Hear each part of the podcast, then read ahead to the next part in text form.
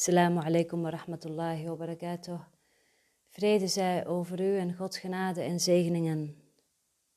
Welkom bij Vrijheid in Zicht.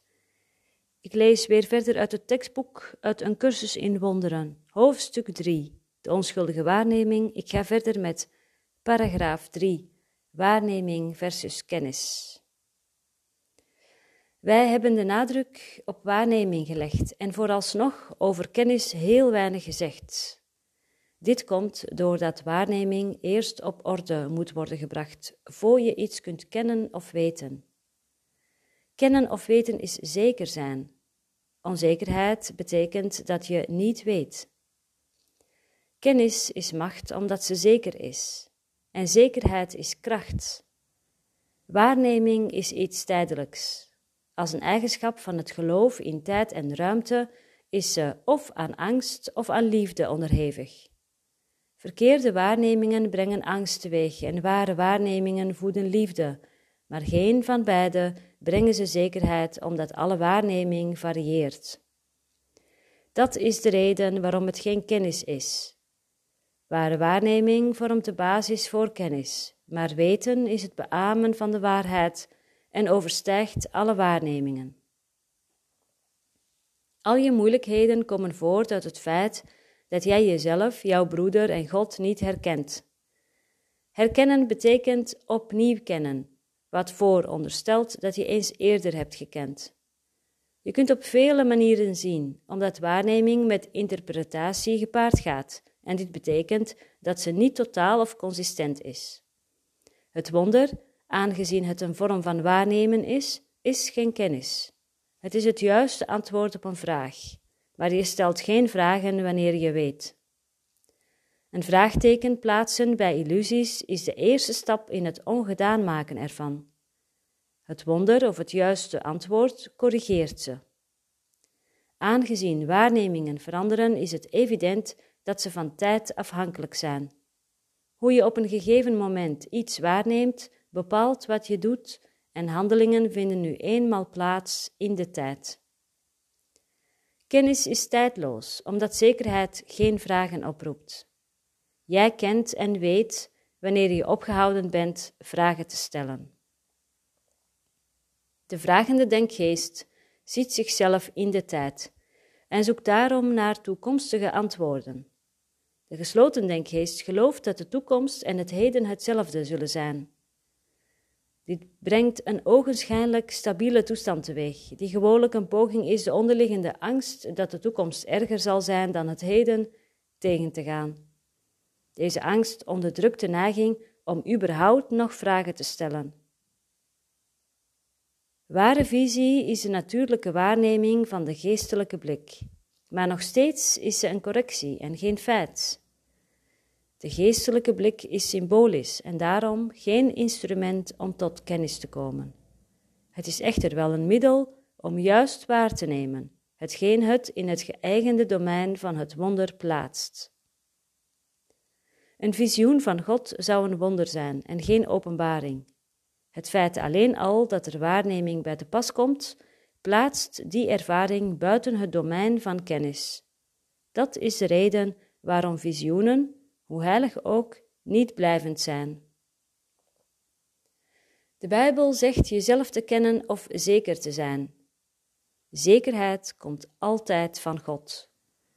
Wanneer je iemand lief hebt, heb je hem waargenomen zoals hij is, en dat maakt het jou mogelijk hem te kennen.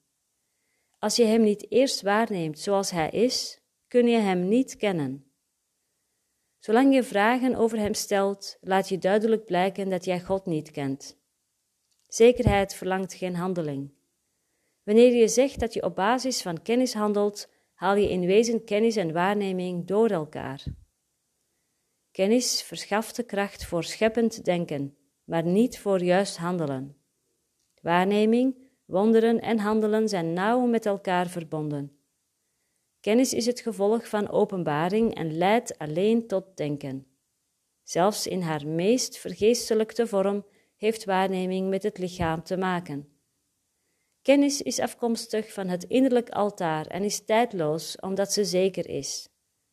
De waarheid waarnemen is niet hetzelfde als haar kennen.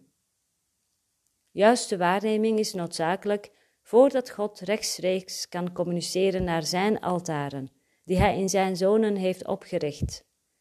Daar kan hij zijn zekerheid communiceren en zijn kennis zal vrede brengen, zonder twijfel. God is geen vreemde voor zijn zonen en zijn zonen zijn geen vreemden voor elkaar. Kennis is zowel aan waarneming als tijd voorafgegaan en zal beide uiteindelijk vervangen. Dat is de werkelijke betekenis van de Alpha en de Omega, het begin en het einde. En eer Abraham was, ben ik. Waarneming kan en moet gestabiliseerd worden, maar kennis is stabiel.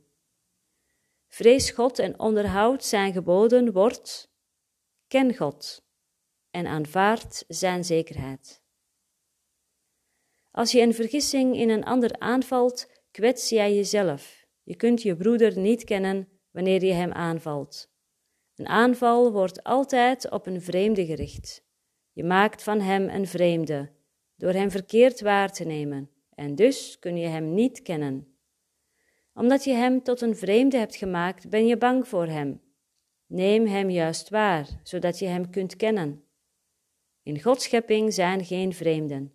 Om te scheppen zoals Hij schiep, kun je alleen scheppen wat jij kent, en daarom als het jouwe aanvaardt. God kent zijn kinderen met volmaakte zekerheid. Hij schiep ze door ze te kennen. Hij herkent ze volmaakt. Wanneer zij elkaar niet herkennen, herkennen zij Hem niet.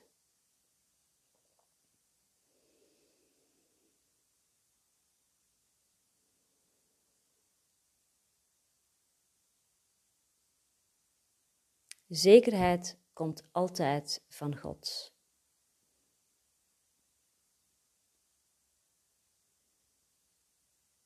Zekerheid komt altijd van God. In Gods schepping zijn geen vreemden.